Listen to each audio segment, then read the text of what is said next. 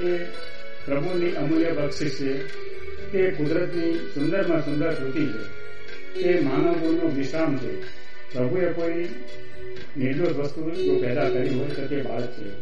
તો ચાલો આપણે એવી જ એક નિર્દોષ બાળકીની આસપાસ ઘટતી ઘટના કાનથી જોવા પ્રયત્ન કરીએ.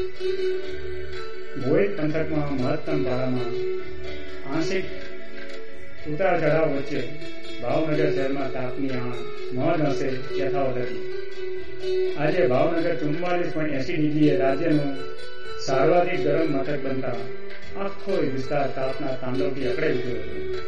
જિલ્લાના અન્ય વિસ્તારમાં પવનની વધેલી ગતિને કારણે રાત્રે પારે ગરડવાનું હતું. પણ હાલ લૂ વખતા વહેરાયેલી ગરમીમાં કોઈ રાહત આપી ન હતી.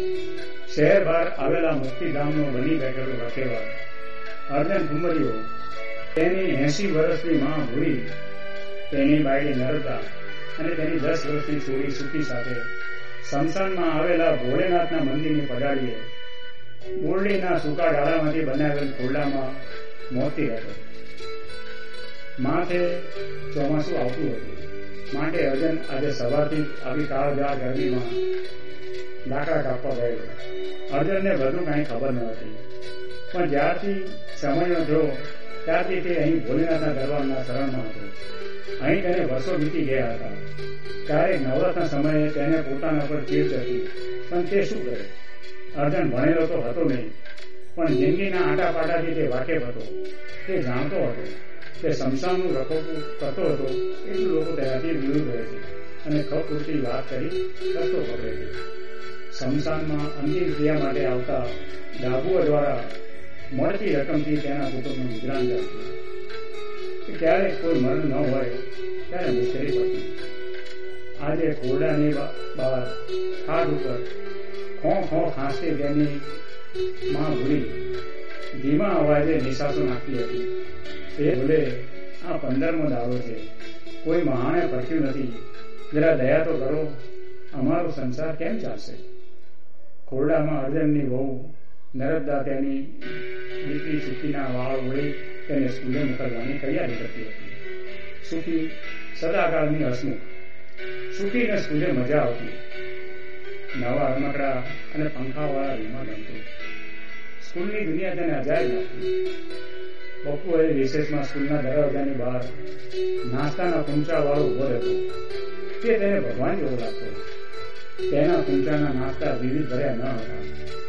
સિંહ, ચણા બાફેલા બટાકા, મસાલેદાર મઠ જેવી નિર્દોષ વસ્તુઓ તે રિસર્ચ દરમિયાન છાપાના કાપેલા કાગળમાં આપતો એમાં તેને મીઠું ચડાવી શેકેલા કડક ખારા ચણા એક સસ્તી અને સ્વાદિષ્ટ વાનગી હતી.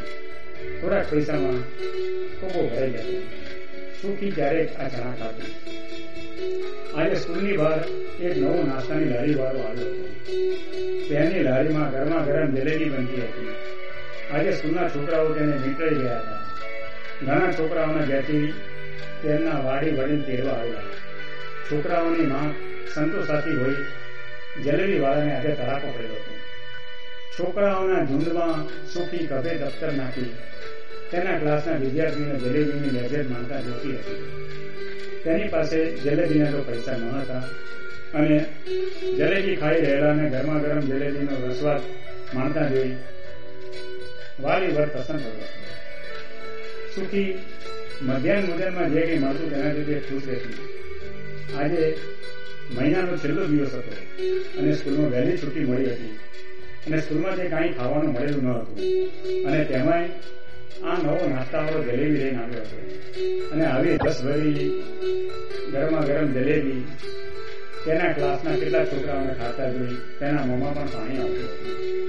કોઈ મને જીવે ખાતર પણ એકાદ જલેબી આપશે એવી આશાથી તે થોડો સમય ત્યાં ઊભી રહી. તો કોઈએ તેને જલેબી આપી નહીં કે પૂછ્યું પણ નહીં. એટલે તે સીધી ઘેર દોડી આવી. ઘેર આવતા જોયું તો તેની માં કપડાં સૂકવતી હતી.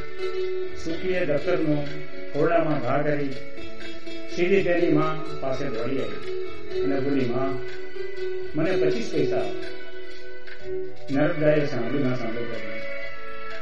સુખીનો ગુસ્સો હવે આજે સાતમે આસમાન તે તેની દાદી ભૂરીબા પાસે પહોંચી ગઈ. અને પૈસા માંગ્યા. ભૂરીબા બોલ્યા, પૈસા મારી પાસે ક્યાંથી હોય તે તારી માં કે તારા દાદુ પાસે હોય? પણ મારી પાસે બેસ. તારી માને કહું છું કે તને જરૂર આપશે અને ભૂરીબાએ નર્મદાને હું મારીને બોલાવી ભૂરીબાનો સાથ પડતા નર્મદા આવી અને સુખીને થતરાવતા અવાજે પૂછ્યું કેમ તારે પૈસા જીવે છે? પૈસાનું તારે શું કરવું છે? સુખીએ કહ્યું માં મારે જલેબી ખાવી છે. નરદાએ નિશાસો નાખતા કહ્યું, ના દે દીકરી, આપણાથી જલેબી ન ખવાય. મારી પાસે પૈસા નથી. તું જોતી નથી? કેટલા દિવસથી સંસારમાં કોઈ અંતિમ ક્રિયા માટે આવી નથી. પછી કોઈ વાર તને પૈસા જરૂર આપીશ. તું તો મારી સારી દીકરી છે. અને સારી દીકરી કદી આડે ના કરે ચાલ આપણે ખાઈ લઈએ. મેં પણ જમ્યું નથી, આપણે સાથે જમીએ. ચાલ. ના માં ના મારે તો આજે જલેબી જ ખાવી છે. સૂકીને આજે વિશ્વની હરાઈ ચડેલી જોઈ. નરદાએ એક થપા સુધીને ઠપકારી માનું આવું ભરવું સડવું જોઈ. સુખી હેતવે ગઈ. અને દાદીના પડકે ભરાઈને દુષ્કાળ હતી સુઈ ગઈ. મોડી સાંજે અર્જન લાકડાની લારી લઈને આવ્યો. સાથે કોઈના ઘેરથી સીધું આવેલું તે પહેલા નર્મદાને આપ્યું અને બોલ્યો, હે, હું આવ્યો આ લારી ખાલી કરીને. અર્જન લારી ખાલી કરી હાથ પર જોઈ જમવા બેઠો. દરરોજના ક્રમ પ્રમાણે સુખીને ન જોતા તેને નર્મદાને બોલ્યું, હે નર્મદા આપણે સુખી ક્યાં? તેને જમી તો લીધું ને? ના, અર્જન, તારી લાગીને તો આજે જલેબી ખાવી છે. બોલ, હું ક્યાંથી લઉં? આ નિશાળવાળા પણ ભારે કરે છે. નવા નવા નાસ્તા વાળાને ઊભા રાખવા જ નથી. ના અર્જુન તે નથી જમ્યું તે વાલી પાસે છે. અર્જુન ઊભો થયો. સુખી તેને વાલી હતી. તેને તે દુઃખી જોઈ શકતો નહીં. સુખી ભૂલિકા પાસે સુકેલી હતી. તેને ઉઠાડીને લઈ આવ્યો અને બોલ્યો, એ સુખી ઉઠતો, જો હું શું લાવ્યો છું? સુખી આજે જલેબીના મીઠા ઘૂંચડામાં ગૂંચવાયેલી હતી તે આંખ ખોલતા બોલી દાદુ મને ખબર હતી. તું જલેબી લાવીશ જ. લાવ, આજે બધી જલેબી હું જ ખાવાની છું. આજે સમસમી ગયો એક નજર ભોલેનાથ ઉપર નાખી અને તરત સુખીના માથે હાથ ફેરી બોલ્યો, સુખી, આજે જલેબી વાળો નીકળી ગયો છે. કાલે મારાથી તું સ્કૂલે ગયા ત્યારે પૈસા નથી ગયો અને તું જલેબી ખાજો સુખીની ચકો નજરે અજરની દિવસતા સુખી ના રહી અને મૂગે મોડે તેના દાદુ સાથે ખીલી ખાવા બેસી ગઈ. જમ્યા પછી સાંજે અર્જન આખા દિવસનો થાક ઉતારતો ખાટ ઉપર આડો પડ્યો હતો અને નર્મદા પાણી ભરતી હતી. ત્યારે સુખી ભોળેનાથના દરબારે હાથ જોડી કોઈ પ્રાર્થના કરી રહી હતી. કલાક એકના વિરામ પછી સંતાનના દરવાજે કોઈ ચહલ પહલ થતી હોય તેવું લાગ્યું. અને તે જોતા અજાને ઉપરનું ચડાવ્યું અને જોયું ડાબુ આવતા હતા. બીજે દિવસે સાંજે સુખી જયારે ઘરે આવી, ત્યારે તેને દફતરમાંથી જલેબીનું પડીકું કાઢી અને ખોલ્યું અને બૂમ પાડી, એ દાદુ, ચાલ જલ્દી જલ્દી આવ. ઓ માં ક્યાં છે તું? હું ભૂરીવા જલ્દીથી આવો. હું જલેબી લાવી છું ત્યારે ભોળેનાથના દરબાર સામે જોતો અર્જન ભાવનગરનો છે કે તે ભાન વગરનો તેની ખબર તેની ભાઈની નરદાને ન પડી.